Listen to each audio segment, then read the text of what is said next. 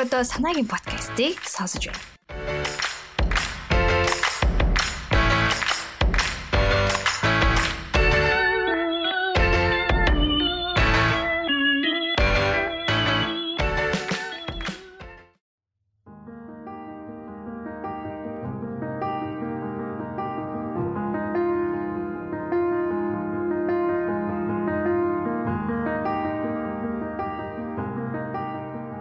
Сайн байцгаана уу? Санаагийн подкастын ээлж дугаар та бүхэндээ хүрэх гэж байна.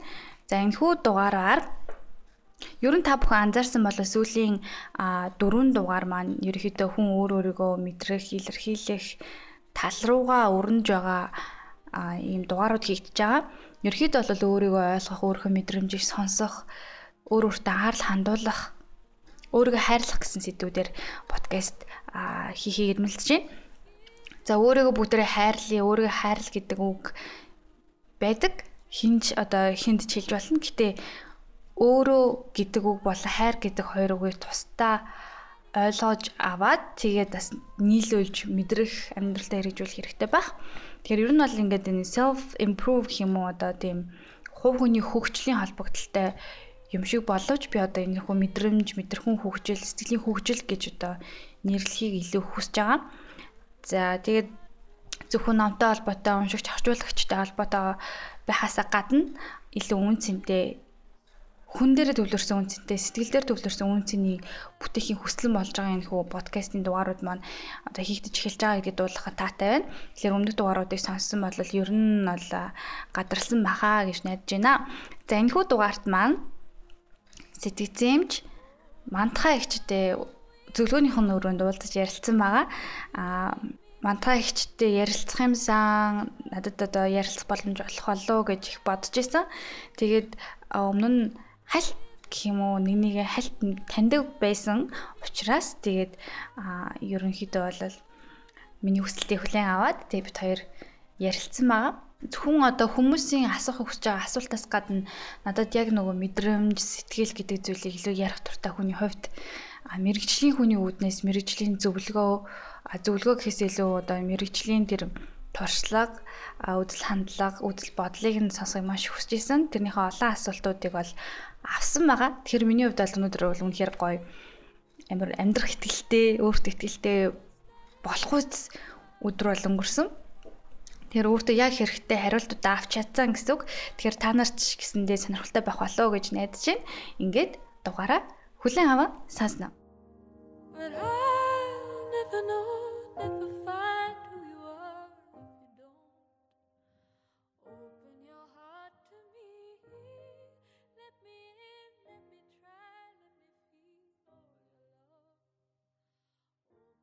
За сайн байцгаана сонсогчдоо. Санаагийн подкастын энэ удаагийн дугаар та бүхэнд хүрч байна. Энэ удаагийн зочноор сэтгэл зэмж мантаа хичээгээ урьж оролцуулж байна. Аа тэнд өглөөний мэд хүргэе. За сонсож байгаа бүх хүмүүстээ бас өглөөний мэд хүргэе. Тэгээд санаадаа бас намайг урьж оролцуулсанд маш их баярлалаа. Яагаад гэвэл би бас өөрөө санаагийн подкастыг бас сонсогч байна. Баярлалаа. За яриага ер нь бол одоо ментал буюу сэтгцийн эрүүл мэндийн асуудал аюу маш чухал хэрэгцээтэй хүн болгоо мэдэж авах хэрэгтэй болцсон. А тэгтээ илүү хүнд утгаар ойлгоод идэв юм шиг надад санагдаад. Тэгээд яг энэ тал руугаа ярилцъя гэж. За харин ерөнхийдөө сэтгцэн эрүүл мэнд чинь жоохон эмзэгтэй асуудал бас сэтгцэн эмгэгтэй гэхэр хүмүүс ачаа үздэг ч юм уу шоолдог эсвэл намайг юу гэж бодох вэ гэд хүмүүс ч ерөнхийдөө айцаад байдаг. Тийм учраас одоо энэ талаар илүү их ярилцъя. Дэлхийн эрүүл мэндийн байгууллага ч гэсэн сэтгцэн эрүүл мэндийн асуудлыг сүүдрээс гаргая гэдэг бас зарчим барьдаг байхгүй юу? Дандаа сүүдэрт байгаад байдаг. Одоо жишээлбэл хавтартай зүрхний өвчтөй хүмүүс бол өөрийгөө өө миний зүрх хөвдөөд би ийм хавтартай гэж хинтээч одоо санаа зовох бэлэн далангуу ярьж чаддаг те тэгэн гутал сэтгцийн асуудал төр ирэхээрээ хөвчлэн хаалттай байгаад байдаг. Тийм учраас энэ асуудыг сүдрээс гаргаад одоо ярилцах гэж байгаа. Санаагаа би бол аягүй мэдрэмжтэй цаг үе олсон юм гоё дугаар хийж ин л гэж бодож байна. Баярлалаа. Тэгээд а нөгөө нэг хүмүүс сэтгцэн имж бас сэтгэл зүйч хоёрыг нь ер нь бол нийтдээ ер нь ялгадаг байхгүй юу? Тэгээд та энэ талаар яг яг юуны ялгаатай вэ гэдгийг ярьж өгөөч. Ааха. За сэтгцэн эрүүл мэндийн тухай хууль гэж байдаг. Тэрнээр болохоор яг энэ хоёр асуудлыг нөгөө нэр томьёоны тайлбар дээр нь оруулаад өгсөн байдیں۔ Сэтгцийн эмч гэдэг нь болохоор эхлээд 6 жил анагаахын сургуульд сурна тий эмчээр сурна үндсэн мэрэгчлэн эмч 6 жил сурлаа. Ахаа 2 жил сэтгцийн эмийг судлаач эмч гэдэг бас 2 жилийн хугацааны резидентийн хөтөлбөр гэж байдаг. Энд суралцсан. За эннийхаа дараа дахиад 6 сар э, ерөнхийдөө а ерөнхийдөө ингээд 6 жил сураад 2 жилийн резидент тгээс сэтгцэн эмч гэж болж байгаа. А тгээс сэтгэл засалж эмч гэж те бодол болохыг одоо хүсэх юм бол дахиад 6 сарын төрөлцсөн нарийн мэрэгжлийн курс хийгээд ингээ ерөнхийдөө 8-аас 8 жил орчим те 9 жил орчмын хөтөлбөр одоо хөтөлбөрийн дараа ерөнхийдөө сэтгцэн эмч болдог. За нөгөө сэтгэл зүйч гэж байгаа нь болохоор одоо ихтэй сургуулиуд те МОИС шүтис, мобис гэдэг мэт сургуулиудад сэтгэл судлалын ангийг 4 жилийн хугацаанд дүүргээд тэгээд төгсөж байгаа мэрэгчлээ ил ерөнхийдөө сэтгэл судлаач гэж байгаа. А тэгээ бас энэ хүмүүсийнх нь үйлчилж байгаа хүн амнаас ялгаатай л да. Сэтгцэн эмч бол сэтгцэн хувьд эрүүл хүнтэй ажиллана. Сэтгцэн хувьд тулгамзаа асуудалтай хүнтэй ажиллана. Дээрээс нь эмч учраас нөгөө эм бичих одоо сэтгэл сандлуудын нойрны эмч гэдэг юм уу те бичих хэрэгтэй. А тэгээд сэтгцэн эмгэгтэй хүмүүсийг ошилж эмчилдэгээр илүү одоо онцлог сэтгэл зүйч хүн болохоор эрүүл хүмүүстэй ажиллана сэтгэл зүйд да тэгээд мэдээж толгомцоо асуудалтай хүмүүстэй ажиллана зөвлөгөө өгдөг ийм хүмүүсийг ерөөхдөө ингэж л хувааж үздэг. Сэтгцийн эмч нь болохоор илүү эмийн жор бичих боломжтой. Тэгээ бас эмгэх талдаа илүү ажиллана тий. Аль талд нь ч ажиллаж болох болцоотой л гэсэн үг л тий. Та яагаад ийм мэрэгчлийг сонгох болсон бэ? Энийг гэсэн нэр надад сэрэг анх удаа л асууж байна. Яг ойр дотны хүмүүс асуудаг л да. Тэгээд би нөгөө анх юмж болъё гэл тэгэл манай сургуульчин 6 жил учраас одоо бүгд л ангийнхан ямар аль юмч болох вэ аль юмч болох вэ гэж бүгдээ өөр өөрсөндөө эрэл хайгуул хийдэг. Тэгэл явж байгаа л дөрөвдүгээр курс хүртэл эвний юмч болохоор хэдэн мэдхгүй байгаа л явж исэн чинь сэтгцийн блок гэдээ ордог байхгүй яг сэтгцийн юмыг ордог сэтгцийн эрүүл мэнд гэсэн блок ордог. Тэгээд тэрний анхны лекц нь одоо манай салбарын одоо загалмаас эцэг гэж ярих юм уу манай бидний багш гэдэг бямсрын гээд одоо өвд толцсон. Тэгээ бямсрын багшийн лекц анх хэлсэн. Тэгэл эхлээд сэтгцийн эрүүл мэнд бол ингээд гээд тэгээ Фройдын тухай ярьсан. Тэгээ сэтгэц биелгийн хөгжил тий хүүхэд нас яагаад одоо хүүхдийг төрөхт нь яагаад хөхүүлэх ёстой гэдэг ч юм тий. Энэ тухай ингээд лекцэн дээр ярьсан чинь би бүр шоконд ороод амьдралдаа анх удаа бүр тийм одоо миний сэтгэлийг амар хөдөлгсөн ч гэдэм үү миний бүр яг зүрх рүү ингээд орцсон. Тэгэл хөөх ийм юм байдсан биш үү? Тэгээ ямар гоё юм гээл тэгэл яг баг тэр лекцэн дээр би юу сэтгцэн юмч болно гэж шийдсэн. Тэгэл эргэлт буцалтгүй шийдэл явсан. Тэгэл эргэн тойрны хүмүүс зарим нь бол амар гайхаж хүлээж авсан. Очиж очиж сэтгцэн юм ч юм уу гэдэг ч юм уу те нөгөө л нэг одоо буруу ойлголт те тэгээд ямар сайндаа мантаа шиг галзуу шахадны галзуугийн хэмж болоо яана гэж манай найз ээж нь бүр тэгжсэн байхгүй. Тэгээд тэгсэн ч гэсэн орчин хэмж болсон. Одоо бол амар баярлагдав. Тэг хамгийн баг тансаг мэрэгчл гэж боддог шүү дээ. Юу баг хүний амийг аврах мэрэгчл шиг баг хартсан шүү Тийм тий.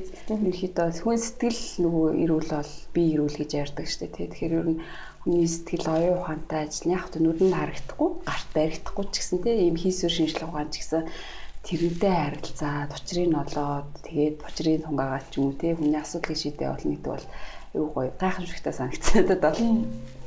Бэс тийж боддог. Баярлалаа. Манай ингээд ойр тойрны хүрээлийнхэн ер нь бол утга уран зохиол тайртай хүмүүс идэг. Ном уншигч, номын орчуулагч, зохиолч, дизайнерууд гэд. Тэнгүүд өөртөндөө одоо сэтгэл зүйн асуудал юм уу? Тулгарангуут нөгөө нэг тэрнтэй холбоотой аюу олон дуу, шүлэг янз бүр юм байдаг. Тэгэхээр ингээд нөгөө өөртөө тохиолж байгаа зүйл аа тохиолдож болох юм байна. Уус байдсан юм гэж хүлээж авдаг хгүй юу? Тэнгүүд тэр нь ингээд яг үндэ бас ингээд бугшаад ч юм уу яг ингээ өөрт нь улам асуудал болгоод байгаа юм шиг надад нэг мэдрэмж төрдөг юм уу? Тэг санагддаг. Тэгэхээр хүмүүс яг энийг үнэн гэж бодож байгаа бүх асуудлынхан ч юм уу ямар нэгэн тийм өөрт нь ямар хэцүү байгаа шүү дээ. Тэр мэдрэмж гэдэг нь яг сэтгэл зүйн шинжилгээ ухаанд ч юм уу яг яаж ойлгогддог бол ер нь юутай холбогдож бол басдаг бол? Мэдрэмжийн тухай тий мэдрэмж болохоор ерөнхийдөө сэтгэл хөдлөлийн хамгийн одоо жижиг нэгжтэй хамгийн бага нэгж ч юм гэж үздэг. Тэгээ мэдрэмж гэдэг нь бол ерөнхийдөө хүн нийгэм хүрээлэн байгаа орчноо сэтгэлээрээ танин мэдээд тий сэтгэлээрээ танин мэдээд тэрнийхээ үндсэн дээр гарч байгаа одоо олон төрлийн байдлуудыг хэлж байгаа Жишээлбэл мэдрэмжүүд бол эерэг болон сүрэг гэж ерөнхийд нь хувааж болно тий. Тэгэхээр эерэг мэдрэмжид гайхах, баярлах, тий, догтлох, тий, иймэрхүү мэдрэмжүүд орно. Тэгэхээр ерөнхийд хүнд тэгэхээр хідэн ч төрлийн ямар ч мэдрэмж төрж болно. Гэхдээ нэг бүлэг мэдрэмжүүд нийлээ сэтгэл хөдлөлийг үүсгдэг ч юм уу гэж ойлгож байна л да. Тэгэхээр ерөнхийд урлагийн хүмүүс болохоор нөгөө аюу мэдрэмжээр баялаг. Тэгээ дээр нь трийгээ нөгөө илэрхийлэх чадвар өндөр байдаг. Жишээлбэл одоо шүлэг бичдэг тий одоо магадгүй нөгөө юу шүлэг бичдэг хүмүүс ярьдаг шүү дээ онгод орлоо гэл тий тэр бол магадгүй олон төрлийн мэдрэмж нэг дор хүнд цуглараад тэрийгээ одоо нөгөө үгээр илэрхийлж гаргаж байгаа хэлбэр тийм учраас мэдрэмжийг бол ерөнхийдөө байнга илэрхийлэх, ярилцах, гадагшлуулж авах хэрэгтэй гэж үздэг. Ялангуяа сүрэг мэдрэмжийг Сүрэг мэдрэмжийг гадагшлуулахгүй илэрхийлэхгүй утгах юм бол нөө чиний төрөний хэлсэн тийм нөө богшин гэдэг тийм сав хог одоо хогийн савнд ч гэсэн хог хийгээл хийгээл хийгээл тэрний өдөр дүүрэн шүү дээ тийм тэгэхээр нөө илэрхийлээгөө Фредийн ч гэсэн нэг алдартай үг гэдэг шүү дээ илэрхийлээгөө сэтгэл хөдлөлүүд эзэн нэгэн цагт ямар нэгэн байдлаар илэрч гарч ирдэг тийм учраас сүрэг мэдрэмжийг илэрхийлж гарах сурах хэрэгтэй.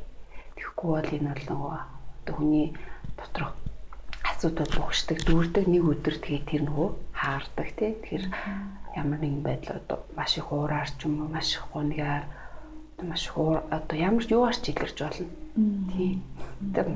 Ганцхан сүрэг гэхгүй мөн эерэг мэдрэмжийг ч суулт сурах хэрэгтэй. Зарим хүн нөгөө гаднаас нарахад баярлаа даана мэдгэдэггүй гуниглаа даана мэдгэдэггүй уурлаа даана мэдгэдэггүй тийм үү байдаг шүү дээ. Тэгсээр дотроо ингээд асар их баярладаг ч юм уу тийм байдаг. Тэгэхээр эерэг мэдрэмжийг ч гэсэн бид нэр гатгчлал сурах хэрэгтэй. Тэг магадгүй а тэр сүрэг мэдрэмжийг илэрхийлэхгүй байсаар байгаа сэтгэл готрол болдог болов Тий, тий. Яг үнэс ер нь тийм л шалтгаантай хвчлэн. Нөгөө харилцааны асуудлууд тий шийдвэрлэж чадаагүй одоо асуудлууд юу ч хийж бол энийгээ илэрхийлэхгүй, гаргахгүй, хэлэхгүй ингээ удаад яваад хахаар энэ одоо сэтгэл хөдлөлөөр илэрж болно, ойруудлаар илэрж болно, сэтгэл түстлээр илэрж болно, харахыг ядаргаагаар илэрж болно. Нөгөө биеийн сэтгэлийн өвчин, биеийн өвчин болно гэж ярьдаг тий. Одоо сүүлийн үед психосоматик шинжилгээ ухаан гэдэг айгу бас хөгжөөд байгаа. Тэрний нэг нь болохоор яг энэ баггүй сэтгэлийн өвчин, биеийн өвчин болдог. Тэгээд эмнэлэгт үзүүлээ явахаар өө шинжилгээ чинь зүгээр байна, зүрх чинь зүгээр байна тий. Яг тэгэхээр ходоод нь өвдөд байгаа юм шиг, толгой нь өвдөд байгаа юм шиг, зүрхээр нь хатгуулаад байгаа юм шиг мэдрэмжүүд ер нь төрдөг, хөлөрдөг тий. Нойрууддаг ингээд. Тэгэхээр нөгөөт нь надад нэг асуудал байна гэд баг эмнэлгээр явдаг. Тэгэхээр нөгөөт нь шинжилгээнд нь зүгээр байгаад байдаг. Тэгээ хүн яах ёстой вэ гэд ингэхээр аа гэд ерөөдөө сэтгцэн эмч рүү явуулдаг, сэтгэлзүйч рүү явуулдаг. Аа.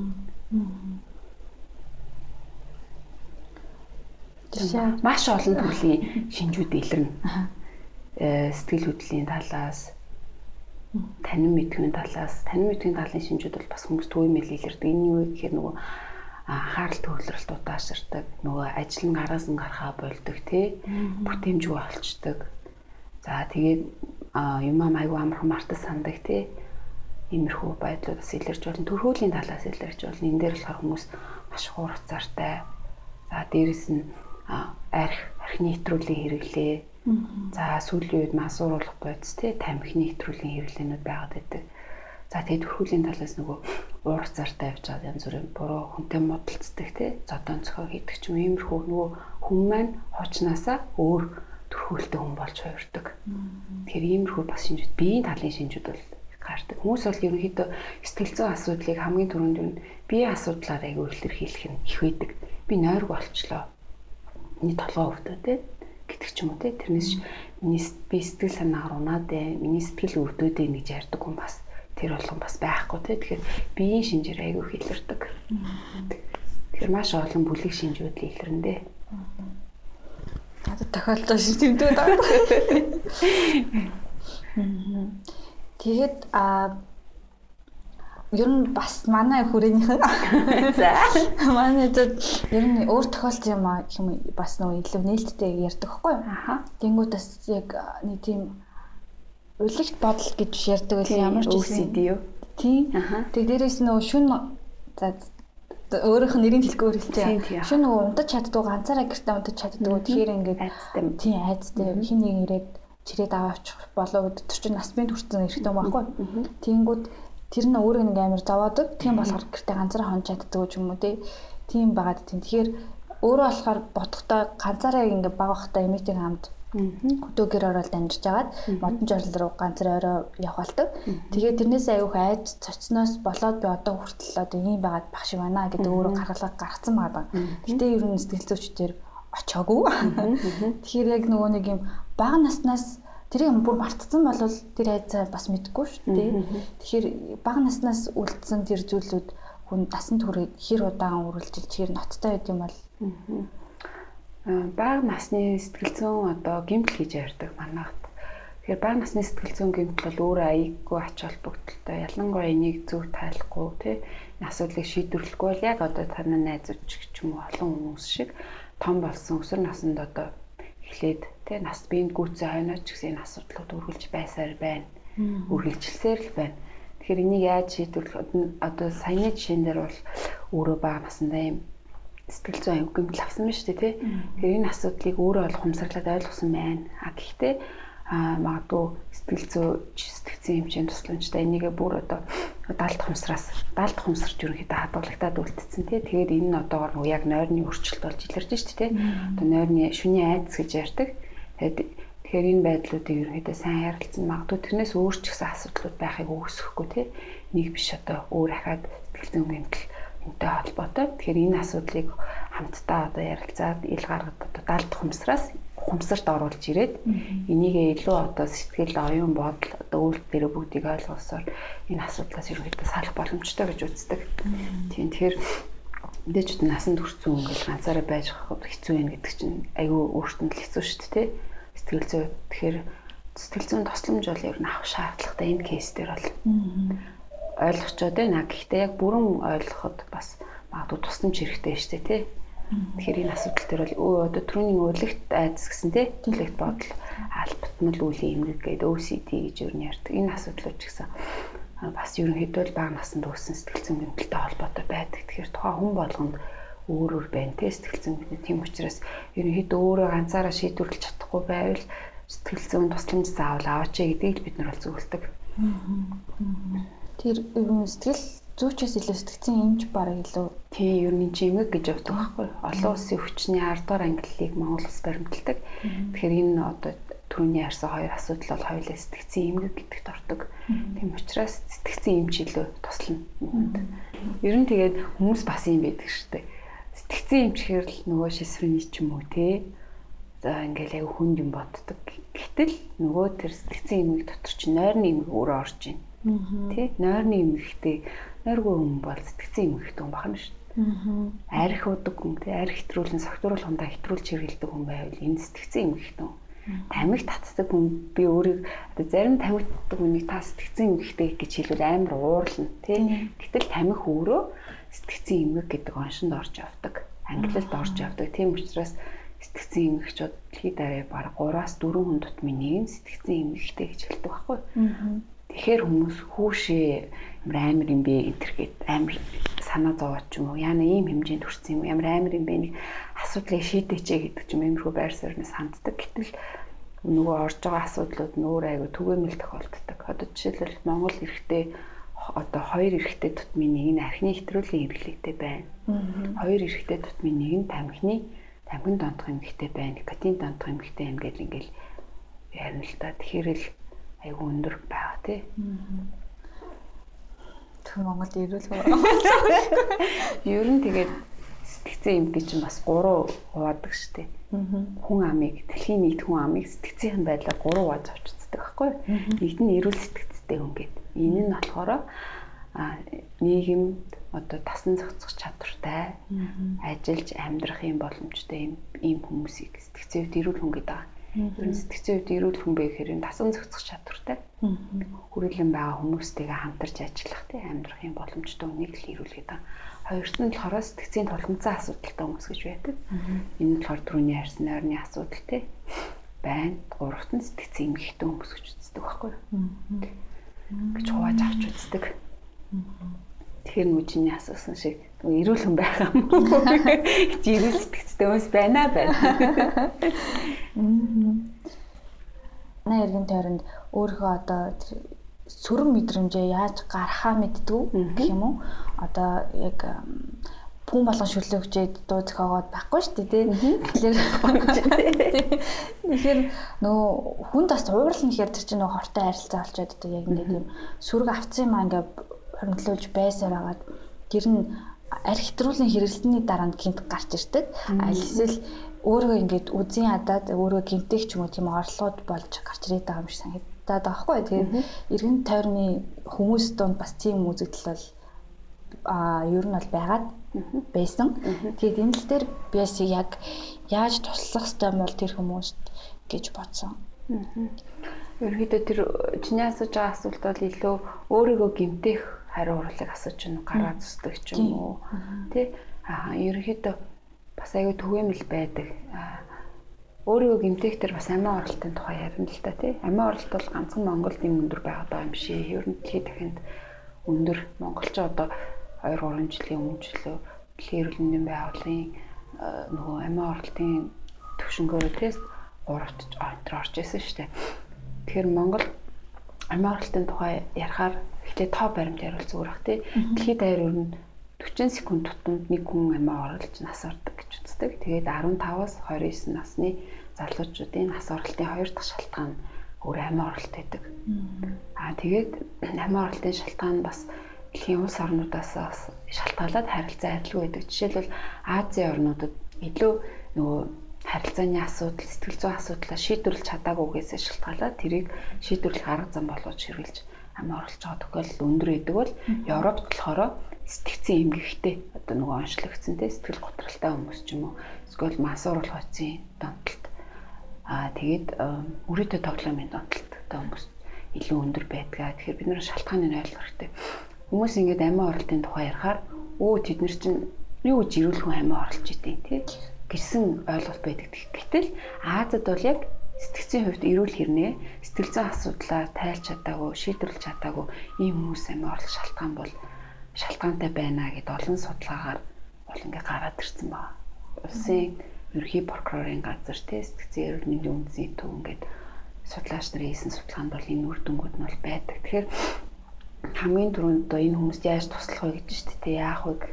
Ерөнхийдөө бид нар эхлээд хамгийн бейсик юм одоо үндсэн суурь юм болохоор сэтгэл зүйн боловсрал гэдгийг бүр хүүхэд наснаас нь олгомоор байгаа юм. А тэгэхээр хүүхэд наснаас нь олгоно гэхээр бас аав ээжүүд нүрээ энэ тухай мэдэх түнг учраас дахиад аав ээжээс нь эхлэх болоод байгаа юм. Тэгэхээр эцэг эхчүүд өөрөө сэтгэл зүйн боловсрал гэж юу юм? Сэтгэл хөдлөл гэж юу юм? Ямар үед одоо хүүхд чинь үнэхээр хэцүү байгаад байна. Бид нар яаж туслах одоо болох вэ гэдгийг аав ээж нарт олгоно. Ингэсэн цагт хүүхдүүдтэй энэ зөв үлгэр дуурайлыг үзүүлнэ ярилцсан тий. Дараа нь эргэн тойронд нь байгаа бас ганцхан эцэг ингээд оролцоод ил багш нар тий. Хүүхэд бол ялангуяа өсвөр насндаа сургуулийн орчинд хамгийн ихэнх цагаа өнгөрүүлдэг тий. Тэгэхээр багш нар тас энэ боловсролыг олох хэрэгтэй байна. За ингээд явхаар сэтгэл зүйн боловсрал гэдэг бол хамгийн эхлээд чухал байна. А тэгээд энэ чинь хамгийн чухал юм нөгөө чи түрүү хэллээ шүү дээ. Одоо сэтгэл зүйн асуудлаа яаж тайлахаа мэддэг нөөд нь хоримтлагдаад яг одоо олон кейс дээр ингээ байгаа. Ууралсан үедээ те бухимдсан үедээ ингээд ерөнхийдөө гараа зүсчдгийг энийг ерөөсөө яаж хянч чаддгүй. Тэгэд одоо зүссний дараа ч юм ингээд жоох тайвширдаг асуудал шийдэж байгаа юм шиг санагддаг гэдэг. Тэгэхээр бид нөгөө гараа зүсгүүгээр өөр одоо уур бухимдлаа, гуниг гутрлаа ч юм уу тайлахад олон арга байгаа шүү дээ. Тэгэхээр энийг л бид нэр зааж өгнө гэсэн үг л дээ. Тэгээд насанд хүрсэн хүн бол яг тэрэнд суралцаад магадгүй цаг хугацаа хэрэгтэй. Тэгэхээр бас өөртөө ууггүй байх хэрэгтэй. Ингээ уулзж байгаа хүмүүстэй харахад яг ихний нэг 10 уулзалтанд одоо яг ингээл дараалал цагтаа ирдэг хүн бас айгүй ховор тий. Тэгэхээр өөрсдийнхөө төлөө бас ингээд хүчин чармаалт гаргах хэрэгтэй Үнэхээр энэ бол асуудал болж штэ тий. Тэгэхээр гараа ингээд зүссэн нөгөөтгөн сорив үлдсэн одоо хувцас хүмүүс чаддгүй байнга гараа нуудаг ч юм уу. Одоо хүмүүс бас энэ талаар мэдгэдэггүй их болцсон учраас сүүлийн үед хөлөө зүсдэг ч юм уу тий. Яг биеийнхээ харагдахгүй хэсгийг зүсдэг өсвөр насны хүмүүс бас их болцсон ингээд бид нар үзлэг хийгээд бүтэн бие үзлэг хийдэг. Тэгэхээр гарын зүгээр байдаг. Тэгэхээр хөлөө зүссэн, гизээ зүссэн. Тэгэхээр яад ингэж зүссэн гэхээр аав ээж харахгүй штэ, найзууд харахгүй 100 ингээд хувцас өмсгөр те нөгөө э, хичээлийн шаардлагаар ингээд ханцгүй цамц өмс хэрэгтэй болно. Тэгэхээр кист зүтгэж юм ингээд цаашдынх нь ирээдүйн амьдрал тийм чинь насан туршдаа ингээд сорив болоод үлдчихэж. Тэр тухай ярих болгонд эмзэг те хүн болгонд өө би ингээд ингээд гэд бүх амьдралаа хэцүү. Тэгээ нуугаад ах хэцүү. Тэгэхээр одоо магадгүй ингээд оролдлого хийж хэлж байгаа хүмүүс ч юм уу те оролт хийж исэн юм хүмүүс байх юм бол заавал сэтгэл зүйн тусламж аваач л гэж одоо эмчээ бас зөвлөн тэгэд чиг ганцаараа биш те ер нь иймэрхүү хүмүүс бас байдаг. Тэгэхээр тэгэхээр энэ асуудлыг бас шийдсэн хүмүүс бас байдаг. Тийм учраас боломж байдаг учраас заавал тусламж аваач л бол хэлэх байна да. Тэгээ ерөнхийдөө яг тэр гараад зүтг хүмүүс ингээд олон явсаар аваад үл дахин давцаар аваад ч юм уу амиа орлох ч юм ийм үрдлэр төгсөх магадлал бас байдаг. Тийм учраас ерөөдөө эрт дээр нь тусламжлах шаардлагатай. Ерөнхийдөө айгу түгээмэл бас тохиолдол. Аа өргөн тойрныгоо хүмүүсийн хүмүүс байдаг юм ч гэдэг юм тиймэрхүү байдлаар ханддаг гэж магадгүй л дээ. Гэхдээ бол түгээмэл тохиолдол учраас хөвөх байгадаг. Тийм. Би бас яг хажууд хүн гараад зүсэн тохиолдолтой таарсан гэх юм би өөрөө байж байгаа. Нөгөө өрөө нь хажууханд инээдээс охин очиж гараад зүсэж байгаа хгүй. Тэгээд юу ч хэлж чадахгүй. Тэгээд өөрөө бас хувийн хувийн юм юм л да. Тэгэхээр бас ингээ гараад зүсэн сорвтой хүмүүс таарлтдаг. Тэгэл тэрнийхэн талаар ярилцах хэрэг байсан амар том хааны хэрэг мэдрэгддэг хгүй. Тэгээд сэтгэл зүйчдэр очиж гээ хэлчих юм бол нөгөөдг нь бас нэг нэг тийм тийм болохоор яг өөрөө яг надад үнэхээр тусламж хэрэгтэй байна гэж ойлгож хүлээж авсан үедээ бол очих хэрэгтэй юм байна. Тийм ерөнхийдөө тэгэл энэ асуудлууд дандаа л хүүхд настай холбогддог тий. Тэгэхээр бид нар өөрсдөө сайн эцэг байх хэрэг эцэг их байх хэрэгтэй байна тий. Сайн сургууль хүмүүжүүлэгч байх хэрэгтэй байна. Тэгэл энэ дээр айгүй э, санаа зовдөг штеп. Хүүхдийнхаа нөгөө нэг сэтгэл зүйн хэрэгцээг хангана гэдэг чи өөрөө материалын хэрэгцээг хангахаас айгүй өөдөө маш чухал юм байгаад байдаг. Гэтэ энийг хүн болгон ойлгож ухамсарлаасаа л гэж боддог. Хүүхдүүдтэй зөндөө уулздаг, ярилцдаг. Тэдний хамгийн гол нэг ярьдаг юм аав ээж завгүй бид нар цаг гаргадаг. Би ярилцмаар л байдаг. Гэхдээ уцаа үзээ судаг, эсвэл кино үзээ судаг ч юм уу тий. Ийм асуудлыг ярьдаг. Тэгэхээр хэрвээ үнэхээр хүүхдтэй сэтгэл зүйн хувьд, материалын хувьд ингээд хэрэгцээг би хангаж чадахгүй гэдгийг хүн ухамсарлж ивэл би бол анханасаа хүүхд гарах хэрэггүй л гэж боддог.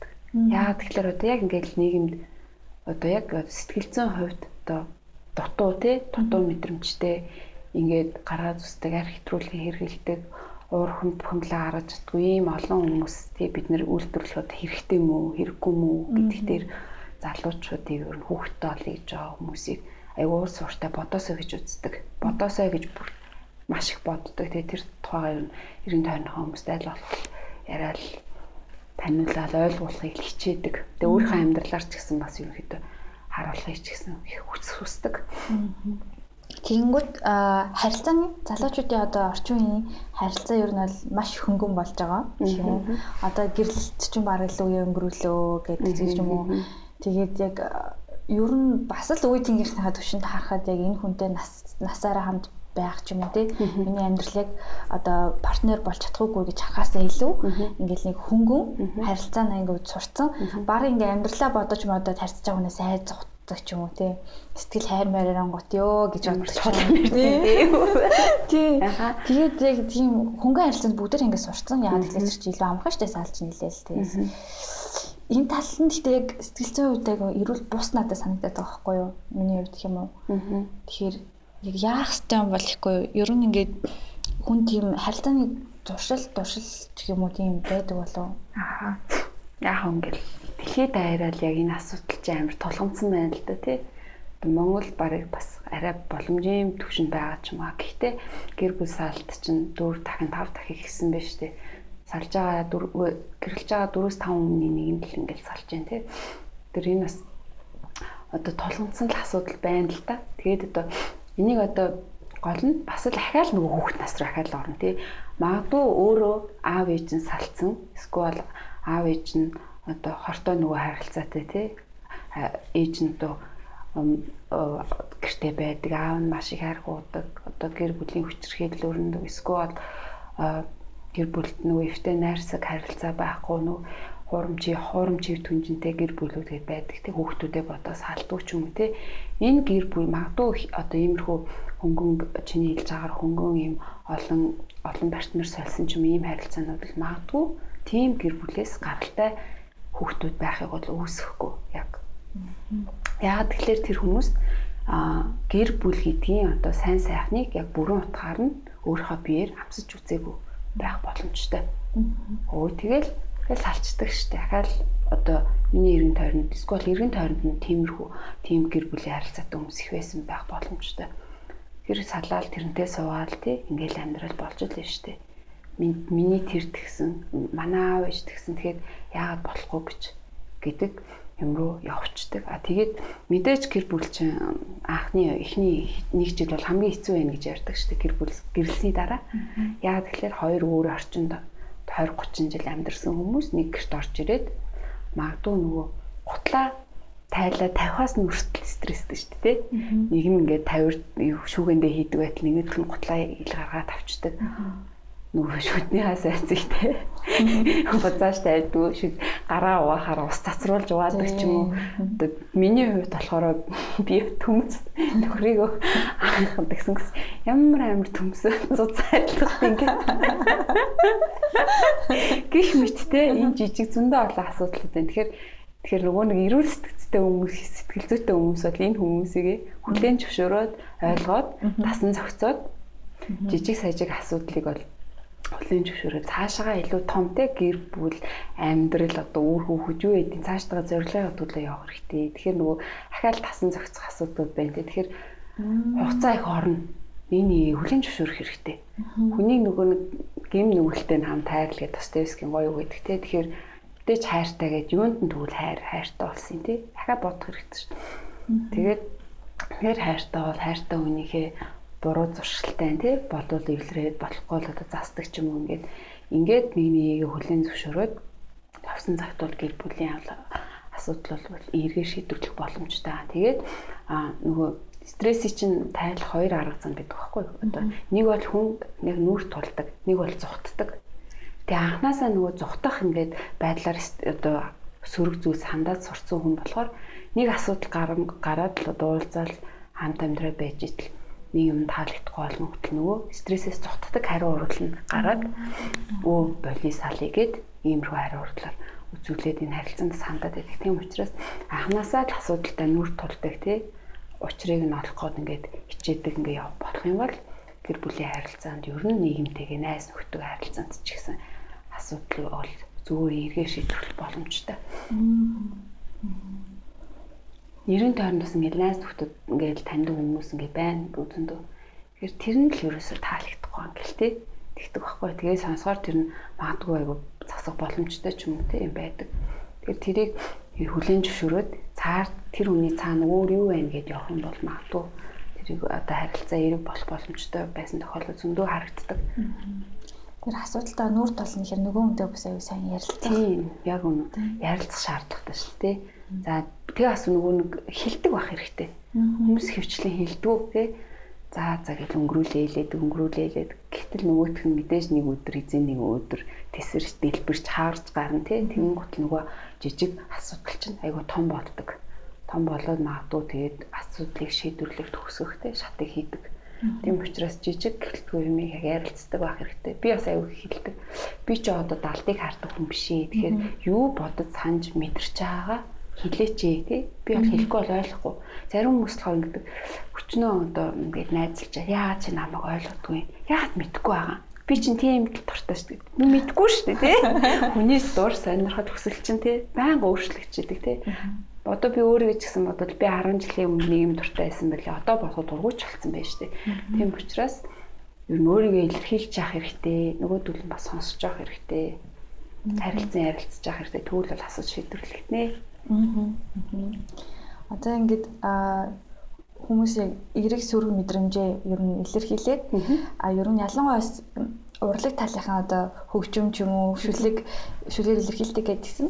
Тэгэхээр хүн болгон угаасаа тийх боломжгүй. Тэгэхээр урлагийн ямар нэг тийм нюанс юм урлагийн тэр нэг тийм философи ингээ хүнд аягүй тийм эерэг нөлөө үзүүлдэг юм шиг надад санагдаж байгаа. Ер нь бол тэр нь ойлгомжтой. Тэгэхээр урлагаар яаж сэтгэл тасах тэр урлагтай хол сэтгэл зүй болон урлагийн холбоог та тайлбарлаж өгөөч. Аа ерөнхийдөө урлаг гэдэг өөрөө universal утгатай тий. заавал тэрэнд хэл яриа хэрэггүй те бид нар дэлхий дээр одоо ингээд бүх амьдарч байгаа хүнд нэг аяыг сонсохгүй тэр хүн өөрийнхөө одоо ойлголт төсөөллөөр тэрийг хүлээж авна. Заавал хэл одоо энэ ийм юмны тухай шүү гэж ярих шаардлагагүй. Уран зургийг ч гэсэн хараа тий.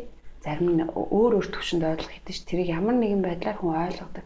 Тийм учраас урлагийн нөгөө өөрийнх нь ийм хүртээмжтэй хүн болгонд ойлгодог ийм чанар чанар бол одоо маш агуултай. Тийм учраас заавал одоо ярихгүйгээр урлагийг бол бид нөгөө сэтгэл засалтаа сэргийлдэг. Зарим модод чи түрүүн хэлсэн нөгөө аюух өндөр хаана хэрэм бодо хүмүүс босгодог. Энийг бол сэтгэл зүйн хамгаалалт гэж ярьдаг. Зөвлөгөө авах гэж байгаа хүн ороод авах гэж байгаа хэрнээл аюух хамгаалалт хийдэг. Өө гайгүй тий. Өө мэдгүй тэр тухай сайн мэдгүй. Би өөрн гайгүй л дээ гэдэг ч юм уу тий. Тэгсэн хэрнээ тэр хүнд тусламж авах хэрэгцээ байгаад байдаг тий. Тэгэхээр иймэрхүү одоо хамгаалалт ихтэй өөрийгөө одоо үгээр илэрхийлэх боломж багтай хүмүүст бол урлагийн одоо сэтгэл заслын арга төрөлтийг хэрэглэхэд бол нөгөө маш өндөр үр дүнтэй байдаг. Жишээлбэл зураг зурулах тий одоо мэдээж олон төрлийн арга техникийг хэрэглэнэ. Яг зааврын дагуу зураг зурулах, хөгжим сонсуулах, сүүлийн жилүүдэд mindfulness гэж их гоё юм гарч ирж байна. Зин зингийн одоо тэр худламжлсан тий. Тэгэхээр энэ арга төрлүүдийг хэрэглэхэд бол маш өндөр үр дүнтэй байдаг. Тэгээд а яагаад юугаараа илүү байдаг вэ гэхээр нөгөө даалт хумсарт байгаа асуудлыг тэр урлагийн одоо сэтгэл зүйн үед хүмүүс өөрөө өөрийн мэдлэгээр ил гаргаж ирдэг.